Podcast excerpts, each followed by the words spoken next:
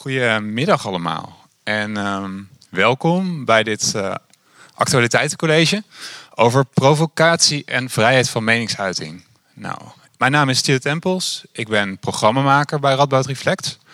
En vanmiddag willen we het dus over die twee thema's hebben. En ehm, de aanleiding is eigenlijk, Geert Wilders startte in juni een tekenwedstrijd. Een tekenwedstrijd waarin hij mensen opriep om toch vooral de profeet Mohammed te gaan tekenen. Hij was geïnspireerd door een tentoonstelling waar hij in 2015 was. En na, na die oproep volgden demonstraties in Pakistan. Ehm, hij werd zelf, zoals al vaker, maar nu nog vaker, meerdere malen met de dood bedreigd. En naar aanleiding daarvan heeft hij op een gegeven moment besloten: oké, we trekken, ik, ik stop met die cartoonwedstrijd, het wordt me te heet. Maar het leek allemaal met de sisser af te lopen. Maar daarop volgde toch, er was een Afghaanse jongen naar Amsterdam Centraal Station afgereisd, geprovoceerd, boos door die oproep om toch vooral Mohammed te tekenen. En hij uh, stak daarbij in op twee Amerikaanse toeristen op CS. Dus het bleef niet zonder gevolgen. En dat roept dus allerlei vragen op. Zowel meer politiek-strategische vragen. Van oké, waarom doet Wilders dit? Kan hij hier nou nog electoraal gewin bij halen? Maar het roept ook morele vragen op. In die zin, is vrijheid van meningsuiting bedoeld voor dergelijke provocerende uitspraken? Zijn er grenzen aan vrijheid van meningsuiting? Nou, daar willen we het graag over hebben. Um, wat we straks gaan doen, we trappen het gesprek af met een kort fragment, namelijk met de oproep van de PVV. Het is een filmpje waarin ze de cartoonwedstrijd aankondigen. En dat laten we niet zien om nog even mensen extra tegen de benen te schoppen, maar meer om ook, uh, er, zit, er zit veel meer in dan dat, want het maakt ook duidelijk welke thema's zo essentieel zijn. Ze beroepen zich daar al op vrijheid van meningsuiting, et cetera. Dus daarom kijken we er kort naar. En daarna beginnen we met het gesprek. Het gesprek zal zijn tussen drie onderzoekers van de Radboud Universiteit. Namelijk politicoloog André Seslov, ethicus Marcel Becker... en gespreksleider is politiek filosoof Matthijs van der Zanden. Um, het duurt tot kwart over één. De laatste tien minuten is er voldoende ruimte voor vragen uit de zaal. Maar voordat we dat doen, trappen we af met een column van Peter van der Heijden. Ik wens jullie heel veel plezier. Peter, de floor is yours.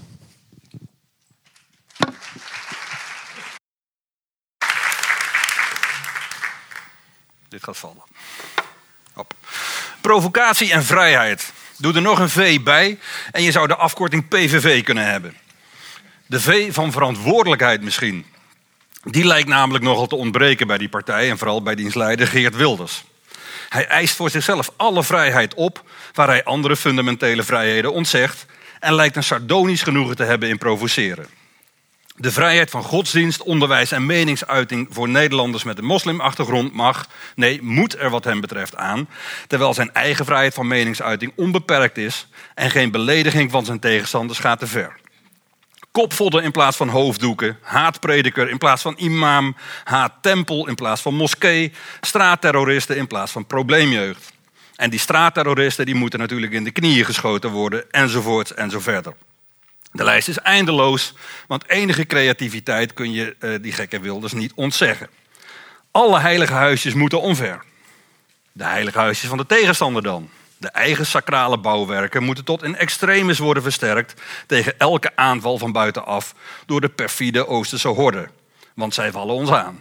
Tja. Maar die verantwoordelijkheid waar ik het over had, lijkt nogal te ontbreken. Nergens zie je de PVV ooit afwegen of een belediging nu wel gepast is. Of het niet zinvoller is de dialogen aan te gaan met gematigden dan telkens weer te benadrukken hoe intens, intens slecht de islam is in al haar uitingsvormen en met al haar volgers. Wilders is als de boze buurman die bij een conflict met zijn buren liever de ruiten ingooit en hard wegrent en schuilt, dan fatsoenlijk aan te bellen voor een constructieve oplossing. En dan kijkt hij gek op als de buren ook nog boos zijn op hem. Als Wilders een onbeperkte vrijheid van meningsuiting meent te hebben, heb ik die dan niet ook? Mag ik dan ook zeggen wat ik stiekem al heel lang denk?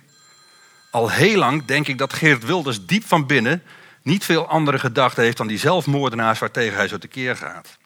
Dat hij stiekem ook een martelaar wil zijn. Niet voor Allah natuurlijk, of voor wat voor God dan ook, maar voor het vrije woord. Dat hij eigenlijk niets liever zou willen dan Theo van Gogh naar de kroon te steken. De man die stierf met een boodschap aan hem, Geert Wilders, in zijn lijf gestoken. Want wat voor andere reden kan hij eigenlijk gehad hebben om die idiote cartoonwedstrijd uit te schrijven?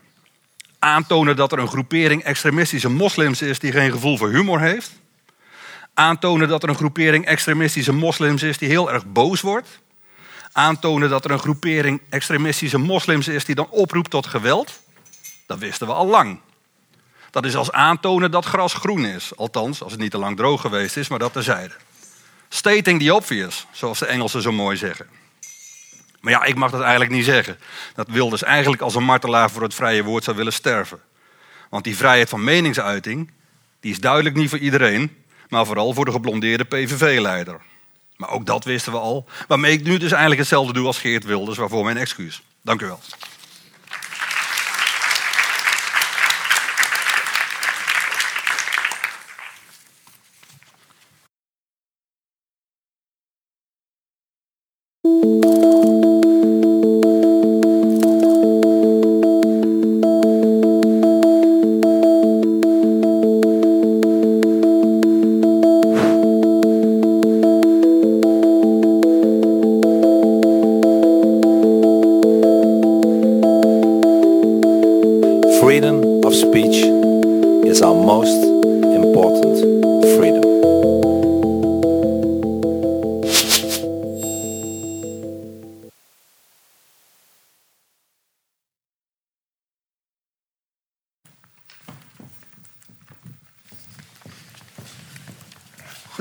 Allemaal.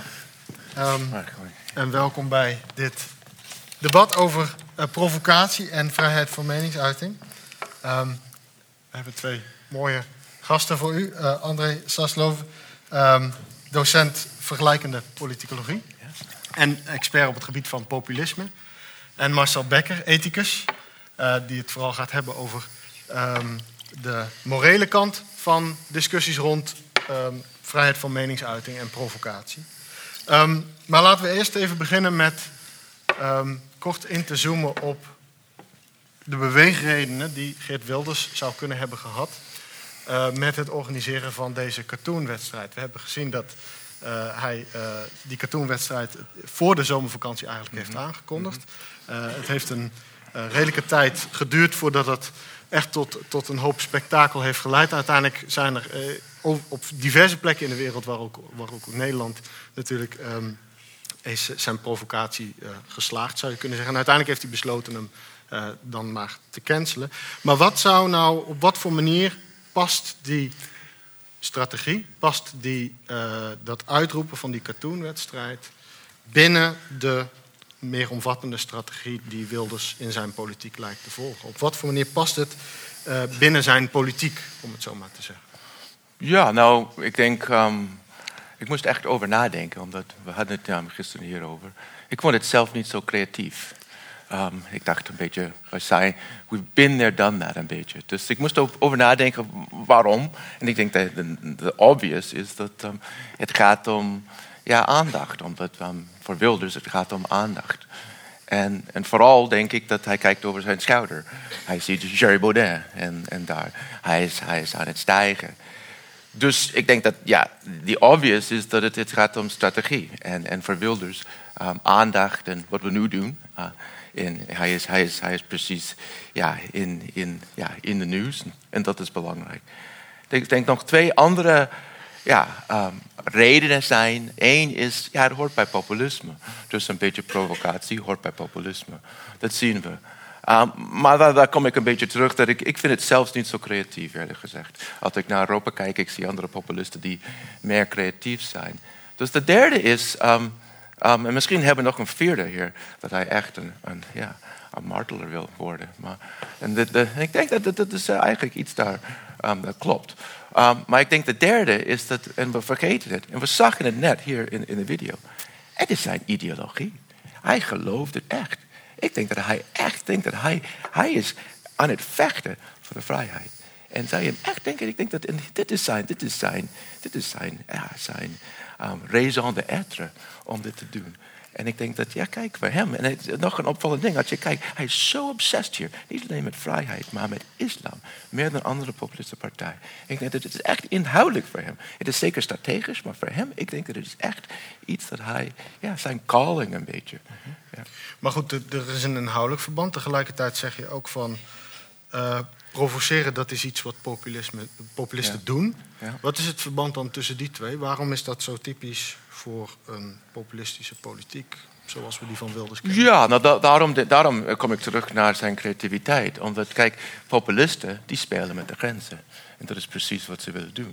Maar ik zag met, um, met dit, ik, ik, ik, ik had het gevoel, ja, de grens was al verder. Ja, hij was hier aan het spelen, maar de grens was al hier.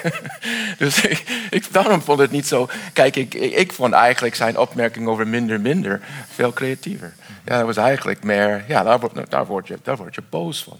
En dit is een beetje, ja, drie jaar, vier jaar geleden. We hebben het in Denemarken gezien en, en met um, Charlie Hebdo in, in Frankrijk. Dus ja, het spelen met de grenzen. Dat, dat is wat populisten doen. En de waarheid zeggen. Ja, wij, ja, wij zijn het volk en, en jullie niet. En, en, en ja, luister naar ons. En, ja, jullie proberen ons te beperken, wat we, wat we mogen zeggen. Dus, eh, ja. Is dat... Wilders heeft uiteraard hier veel kritiek voor gekregen... maar is dat per se problematisch? Er zijn ook mensen, ook, ook politicologen, ook politiek filosofen overigens... die zeggen, ja, maar dat provocerende aspect aan populisme... dat heeft een bepaalde agenderende functie. Wellicht dat die mensen niet, met, in ieder geval niet met die stijl en strategie... eh, het meest geschikt zijn om eh, uiteindelijk eh, beleidsvoerder te worden... om, om uiteindelijk in een kabinet te komen. Maar oppositioneel gezien heeft dat een bepaald soort agenderende functie... en dat moeten, we, dat moeten we accepteren of zelfs blij mee zijn tot op zekere hoogte. Wat, wat, Wow. wat, wat zou jouw reactie daarop zijn? Ja, nou, dat, is, dat gaat naar een beetje de kern van, van, van, van de vraag. En het gaat om de relatie tussen populisme en democratie. Dus ja, ik denk dat... Um, kijk, ik, ik, ik heb geen één antwoord, omdat het, het, het hangt af. Ik denk dat um, populisten, die kunnen echt een positieve rol spelen. Dat zien we. En, en, maar die kunnen ook een, ja, een andere rol spelen. Dus het, het, het hangt af van, van, van de context. En, en, ja, en, en als het noodzakelijk is of niet, ja, ik ben een politicoloog, ik kan het niet beoordelen, dat is meer voor de filosoof. Maar het, het- het is, en dat is hun rol. En, en ik denk voor mij, het is meer, kijk, het is, het is meer, um, het- voor mij het is niet zoveel wat de populisten doen en, en mogen ze het doen of niet. Maar voor mij het gaat meer om de reactie van de andere politici. En daar vind ik eigenlijk um, het um, meer opvallend en interessant wat met um, in de afgelopen weken is gebeurd, maar overal. En, en, en zo vaak de, de, de, de, de bestaande, ja, de, de gewone de politici, die, die, die, die, die, die, die hebben geen idee hoe ze moeten reageren. En vooral die, die, die, die, zijn, die, zijn, die zijn meestal, die hebben de neiging om te volgen. en, en dat is precies een verkeerde strategie volgens mij. Dan speelt de populist altijd de, de leidende rol. Dus maar dat is, ja, is meer een ingewikkeld verhaal. Ja. Maar als je zegt dat hij hier een leidende rol in speelt en dat de rest volgt, ehm, wil dat zeggen dat, dat hij met deze provocatie, zijn, hij heeft uiteindelijk zijn, eh, zijn wedstrijd gecanceld, maar dat hij toch op de een of andere manier zijn doel heeft bereikt? Heeft, heeft deze actie uiteindelijk Ja, succes? nou, ik weet niet of de actie, maar ik denk dat hij zijn doel bereikt al jaren um, geleden. En ik zie het met de hele met de heel reactie van, van Rutte en Grapperhaus. Ja, het, het was zo matig. Het was gewoon vrijheid van meningsuiting. Ja, dat, ja, dat moet gewoon kunnen. Ja, en ik, ik snap dat het, het moet kunnen en ik ben helemaal voor. Maar er was geen, er was geen, geen, geen paradox. Er was, er was geen gesprek van, ja, natuurlijk moet het, maar altijd. En wat levert het op? Het was gewoon, die waren gewoon, ja, die, die, die, die, die, die zijn zo bang, dat die oppositie tegen Wilders, om, om, om, om meer een nuanced beeld te geven. En dat, dat vond ik eigenlijk, ja, het is een overwinning al. Ik denk dat het is, het is, het is we hebben, het is, het is zo ver nu, denk ik, dat, dat, dat iedereen, het is gewoon, gewoon te zeggen, ja, vrijheid van meningsuiting. Ik mag zeggen wat ik wil. En dat hoort bij een, dem- een, een liberaal, het hoort bij een democratie. En, nog sterker nog, het hoort bij ehm, Nederland. Het hoort bij onze geschiedenis. En dat vind ik eigenlijk opvallend. Omdat eigenlijk, nou, hier kom ik in jouw, in jouw um, terrein, maar kijk, ik denk dat er een spanning hier. En als je naar, de, naar liberalisme en de geschiedenis van, van, van Nederland, gaat om ja, vrijheid van meningsuiting, maar het gaat ook om tolerantie. En het gaat om, om pluralisme. en, en, en, en volgens mij, ja, het was al gezegd, wat, wat, ja, de, de, de dominant frame is een beetje die kant op geworden. En ik vind dat de oppositie, ja, die, het is, het is, ik zeg niet dat het niet um, eenvoudig is, maar die, die, ja, die, die, zijn, die hebben de neiging gewoon um, te volgen.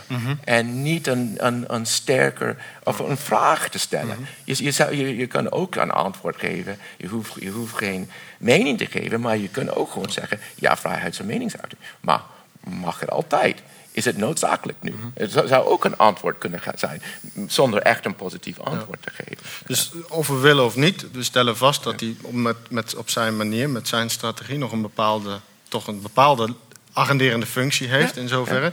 Dat is een politieke kant van het verhaal, maar er is ook een ethische kant van het verhaal, namelijk de vraag. Mag dat zomaar? Hè? En waar ligt wat dat betreft de grens? Want ook al mogen dingen juridisch wel of niet, dan nog zijn er altijd nog morele uh, grenzen.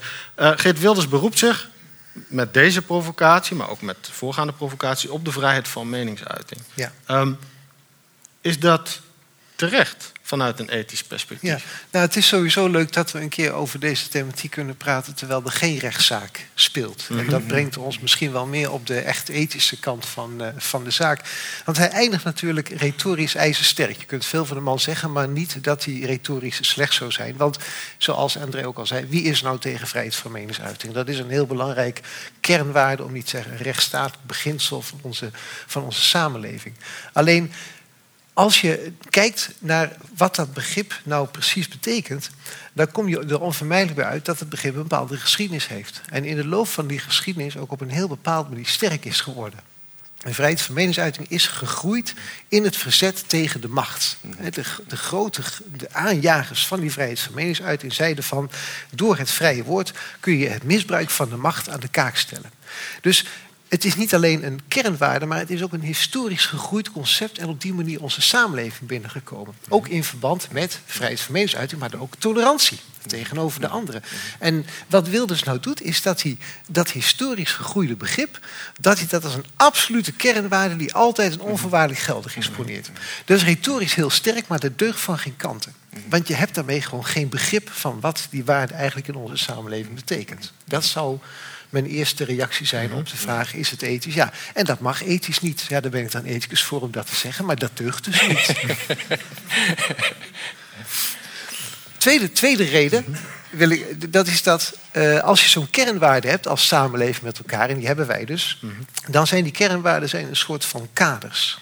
Grote kaders waar we niet buiten treden, waar we gewoon grote structuur, grote houvast aan hebben.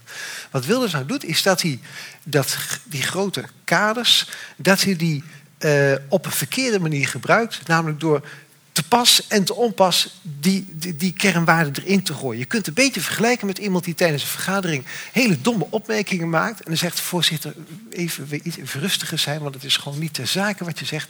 En dat die persoon zegt, ja, maar ik heb vrije vermeningsuiting, ik heb vrijheid van meningsuiting. Formeel juridisch heeft voor iemand gelijk. Mhm. Maar het getuigt van een totaal ongevoel voor de situatie, wat er eigenlijk aan de hand is, door je op zo'n kaderwaarde te beroepen in een hele concrete situatie.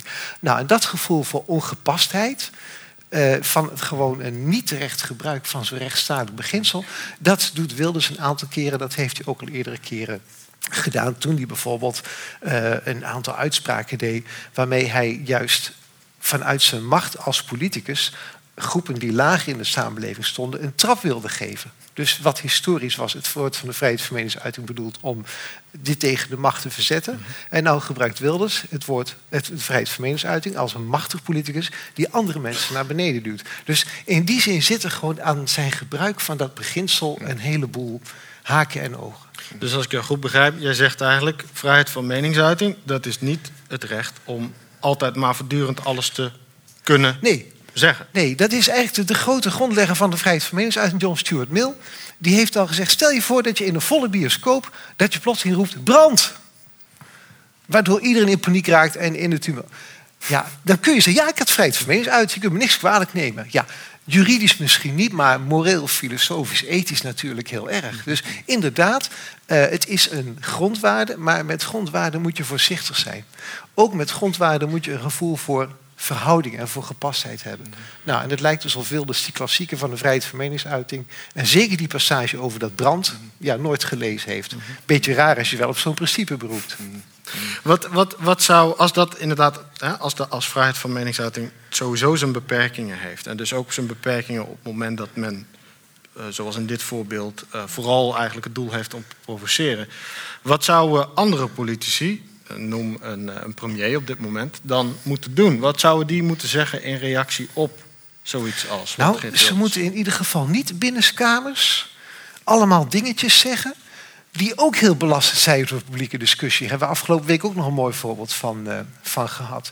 Oftewel, als politicus denk ik, op de eerste plaats moet je denken... ik heb een bepaalde positie in de samenleving. Mhm. En die positie in de samenleving brengt met zich mee... dat ik een beetje voorzichtig moet omgaan met die vrijheid van meningsuiting. Een cabaretier mag zeggen dat Suriname een failed state is en dat we etnisch op bepaling met elkaar. En als een cabaretier dat zegt helemaal niks, vinden we leuk. Als je het leuk hebt, kunnen we om lachen. Als uw minister van Binnenlandse of Buitenlandse Zaken dat zegt. Uh, ja, goed, nee, goed, het hangt van de manier waarop hij het zegt. Hè. Ja.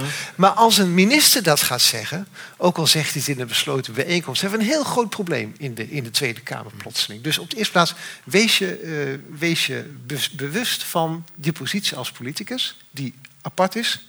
En het tweede is, ik, ik moet zeggen, onze minister-president, die zou wel eens mogen zeggen van nou, ik ben liberaal, ik vertegenwoordig de liberale waarden.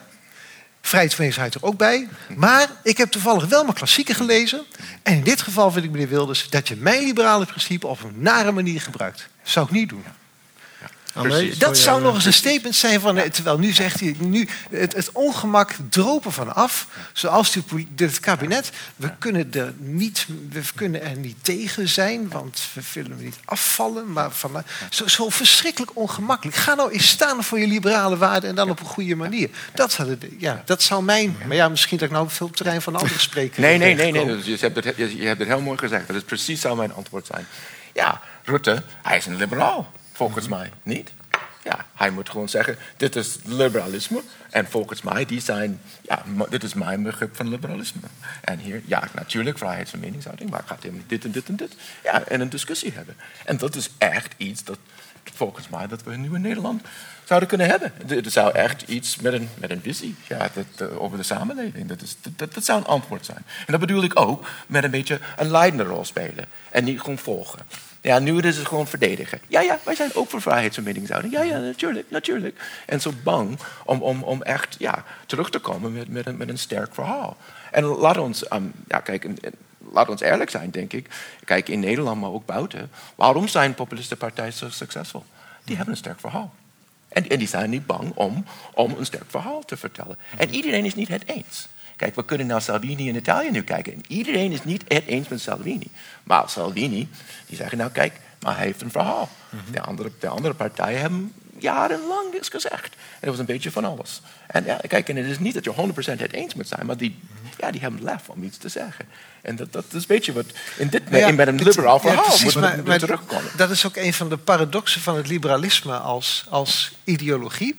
Het is een ideologie die heel duidelijk vrijheid en openheid en, en, en tolerantie in het, in het vaandel heeft. Dus een liberaal politicus die zal heel snel heel terughoudend zijn hm. tegenover allemaal thema's die er spelen in de samenleving. Vanuit zijn eigen liberale achtergrond. Maar in dit geval zou hij dus wat ferm voor zijn liberale waarden kunnen, kunnen staan. maar er zit een beetje in het liberalisme om die bepaalde terughoudendheid te hebben. En dat vind ik wel leuk. En populisten, die springen daar precies op in. Die gaan provoceren. En dan komt dus de liberale establishment. Vindt het heel moeilijk om daar dan een houding tegenover te vinden. Want die zijn bang dat ze op hun manier weer gaan moraliseren of, wat, uh, of wat dan ook. Daar zit inderdaad een spanning in heel veel landen. Ja. Je hebt het over het establishment. Maar wat is, wat is dan wat is de rol, wat is de plek van macht in zo'n discussie? Doet het ertoe wie er geprovoceerd wordt, of tegen wie er geprovoceerd wordt, of wie het subject is, om het zo maar te zeggen, van een uitspraak. Uh, vanuit zo'n liberaal perspectief. Je bedoelt nu van een antwoord van, van zo'n Rutte of zoiets? maakt, het, maakt het uit wie er beledigd wordt, bijvoorbeeld, in zo'n discussie? Ja, denk ik wel. Denk ik wel. Ja, zoals je um, Marcel zei, als, als, als, echt een, als het echt een belediging is, en dan zeg ja, of echt een, iets is gebeurd. Misschien was er, ja, ik weet het niet, zo'n een aanval op iemand wegens iets. Ja, en het was wel een achtergrond, was een religieuze reden. Dan, dan, dan kom je op, natuurlijk. Maar ik denk dat, um, kijk, nou, er zijn twee kanten. Aan de ene kant, ik denk, eh, ik was aan, je had het over macht. Nou, ik, ik denk dat in Wilders hoofd, volgens mij, gaat hij in tegen de macht.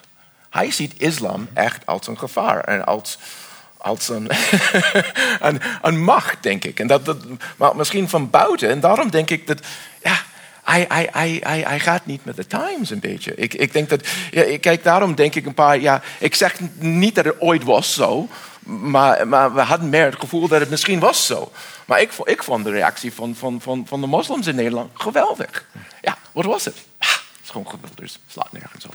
Ja, we, we, we, kennen hem. Ja? Dus die, die zijn veranderd in, in, in bedoeling van hun verhouding tegenover. Maar hij heeft nog een, hij heeft, het is nog 2010 voor Wilders en hij heeft nog een, nog, nog een, nog een, nog een vijand daar. En, en die, die hebben het veel slimmer gespeeld volgens mij. Ja, maar, maar dat is vandaag 17 jaar geleden. Ja. 11 september. Ja. Een grote aanval van de islam op de westerse samenleving. Ja. En eigenlijk heel ironisch. Van, nou van sommige moslims. Ja, ja, ja nee, volgens Wilders. Nee, maar even in de terminologie van Wilders. Ja, ja, Dus, uh, maar, en heel, heel paradoxaal. 17 jaar na 9-11 heeft het vrije woord een grote nederlaag geleden tegen islamitisch geweld. Want door dat geweld in Pakistan en door dat gebeuren is nou die cartoonwedstrijd afgelassen. Maar wij vinden dat helemaal niet zo erg, omdat het vrije woord in dit geval verkeerd gebruikt is. Dus we kunnen wat dat betreft ook wel een, wel een stootje hebben, om het zo eh, te zeggen. Oh, om even terug te komen op een discussie waar je net impliciet naar verwees. Als we het dan over macht hebben. Je verwees net eh, eigenlijk naar de discussie rond eh, minister Blok. Een ander voorbeeld van een recent debat over de grens van uh, provocatie en de grens van vrijheid van meningsuiting. Blok die op een besloten bijeenkomst, althans dat zij die provo provocerende uitspraken deed. Geldt, het, geldt hetzelfde voor hem wat dit betreft? Is hij in dat opzicht ja, net zoals Wilders Ik vind een hele grote parallel zitten. Gewoon even ook terug, ja, terug naar de geschiedenis kan altijd mm -hmm. een beetje helpen. Hè? Maar cartoonwedstrijd van die Deense, of nee, geen cartoonwedstrijd, cartoons van Deense cartoonisten een aantal jaar geleden. De premier van Denemarken, Rasmussen toen, die stond pal voor de vrijheid van de cartoonisten om dat te doen. dat was echt heel sterk en de hele westerse wereld met hem. Charlie Hebdo, iets korter. De hele, uh, nou, wat er allemaal voor een staatslieden uh, uh, daar in die demonstratie voor opliepen in Parijs om te pleiten voor Charlie Hebdo. Dus bepaalde groepen, cabaretiers heb ik ook al genoemd en zo, die gunnen wij heel erg het recht om vooral veel te kunnen provoceren en zo. Maar andere groepen moeten daarmee uitkijken. Mm. En Blok en politici vallen in dat soort groepen. En Wilders en Blok zijn politici. Maar dat is echt een grote overeenkomst tussen beiden dat ze in hun positie dingen hebben gedaan die ze beter niet hadden kunnen. Puur vanwege hun positie in de samenleving. Je zou kunnen zeggen dat er ook een verschil is natuurlijk. Het ene, de ene is lid van een kabinet, minister van Buitenlandse Zaken... en de andere is oppositioneel Kamerlid. Ja, ja, maar ja, dat wil in sommige kwesties wel een verschil maken. Wat betreft, hè, dus bijvoorbeeld een minister die proefballonnetjes oplaat, is levensgevaarlijk. Hè. Als hij een keer een losse gedachte heeft en zo, dan krijgt hij dat meteen als een boemerang. Dus ministers hebben helemaal zijn handen en voeten gebonden. Dat komt. En Kamerleden, andere politici zijn iets vrijer. Maar het idee dat je als politicus uh, een bepaalde macht hebt, dat, je, uh, dat er een bepaalde verantwoordelijkheid, dat er veel naar je gekeken wordt, bind je wel een beetje aan handen. In die zin is de uitspraak van Pim Fortuyn, ik mag zeggen wat ik denk, is gewoon niet waar. Op het moment dat hij de politiek inging. Wel toen hij columnist was bij Elsevier, maar niet meer toen hij de politiek in. Uh, Tegelijkertijd, voordat we naar de zaal gaan voor vragen. Um, tegelijkertijd is het ook een aantal keer gebeurd de laatste jaren dat een rechter juist zei in, in een van de vele rechtszaken tegen Wilders. Dat juist omdat hij politicus was, hij zich meer zou moeten kunnen permitteren. Ja, en er waren ook rechters op Europees niveau die zeiden dat juist politici zich terughouden moeten op. Daar is mhm. inderdaad bij juristen wordt daar verschillend over gedacht. Daarom zou ik ook zeggen, laat juristen die discussie vooral niet voeren. Want, nee, maar, nee, dus met alle respect voor juristen, maar stel je voor dat je wetten of regels of jurisprudentie gaat maken over wat een politicus precies wel en niet mag zeggen. Binnen het recht lukt dat niet. Moeten we dus ook gewoon niet proberen. Dus die eerste vrijspraak van Wilders kan ik, vind ik helemaal terecht. Alleen als het binnen het recht niet gebeurt, moeten we dat vooral in de publieke discussie en ja, sorry, mijn vak, de ethiek. Dus het is een moreel principe. Die, en juridisch moet je dat niet willen dichttimmen, anders krijg je hopeloze toestanden. Maar, maar dat wil niet zeggen dat het niet geldig is. Want wat moreel telt, dat telt ook. En kijk dan bijvoorbeeld naar de geschiedenis en naar de aard van het rechtsstatelijk principe. En dan kom je inderdaad op, dan plaats je de discussie waar die ook thuis hoort. Dus je pleit voor een dejuridisering van dit debat eigenlijk. In, de, in deze, dit soort kwesties uh, is er misschien een neiging om te juridiseren. Maar uh, ja, nou ja, dat, dat is een hele, een hele moeilijke toestand. Is ook wel gebleken. De tweede rechtszaak Wilders was iets anders. Daar was een ander principe aan hand. Maar die eerste rechtspraak leidde ook tot een vrijspraak en heel veel uh, discussie. hartelijk dank voor onze twee sprekers. Ook hartelijk dank voor de columnist Peter van Heijden... die hier uh, de spits heeft af uh, mogen bijten. En voor de organisatie natuurlijk van Radboud Reflex. En voor jullie, voor de, jullie komst. Tot ziens.